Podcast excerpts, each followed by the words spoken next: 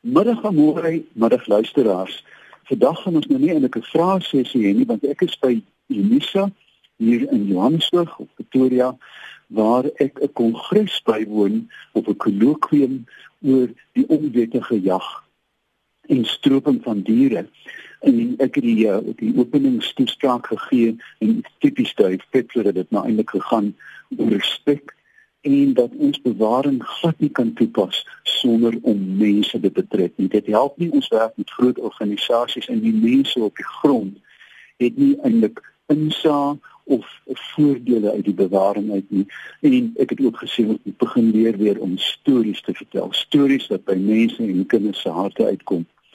Uiteraard gaan dit oor die groot karismatiese diere soos olifante en uh, van die interessante feite wat hier uitgekom het is dat boolifante se tuisgebied tot 11000 vierkante kilometer kan wees as hulle in 'n onbeperkte omgewing is. Hulle is die wêreld se grootste rondstappers waar die koeie so teen 1800 vierkante kilometer beweeg.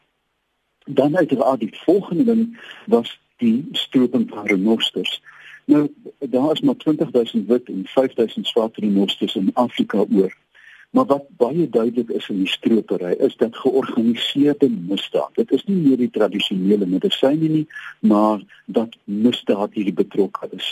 En dat daar nou status is dat jy as jy 'n horing op jou lesenaar het, is jy 'n ryk man.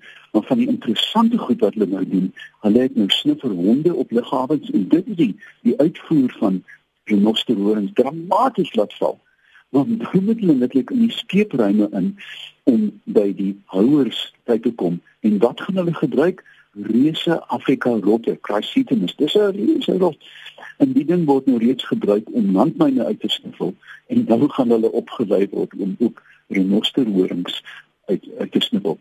Nog 'n kommerwekkende aspek is die spekulasiemark in renoster en en um, ivoor dat mense nou begin wegbere met die oog daarop dat hierdie diere gaan uitsterf en dan voorraad sou hê. Ons het ook 'n baie koel blik gehad op die teel van karnivore. Ons praat nou hier van leeu's en luiperds. Nou, jy weet daar's meer as 170 teelers van leeu's en ons kom nou natuurlik uit by die geblikte leeu storie. En dit is baie meer kompleks. Dit gaan oor klein leeuetjies wat mense wil vashou. Ehm um, en wat word van die klein diertjies as hulle nie meer vasgehou kan word nie? Hulle gaan heel moontlik geskiet word. En net so op by jagluiperds wat ehm um, jy weet daar is 'n hele klomp teelers, byna 80 van hulle. Wat staat maak op vrywilligers wat groot geld betaal vir gewoonlik uit die buiteland om te kom help om hierdie diertjies groot te kry. So ons werk hier met komplekse scenario's. Een ding wat my opval is dat die politieke wil om stropery hok te slaan nie te staan nie. Ons praat met mense wat op die grond werk en hulle lewens gee vir die diere. Maar ons wil nie 'n piep uit die regering uit nie.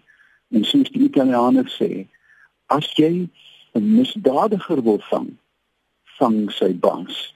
Ek hoop hierdie praatjie was insiggewend. Tot die volgende keer wanneer ons weer um, regstreeks vrae vra om uit probeer uitvang. Lekker dag.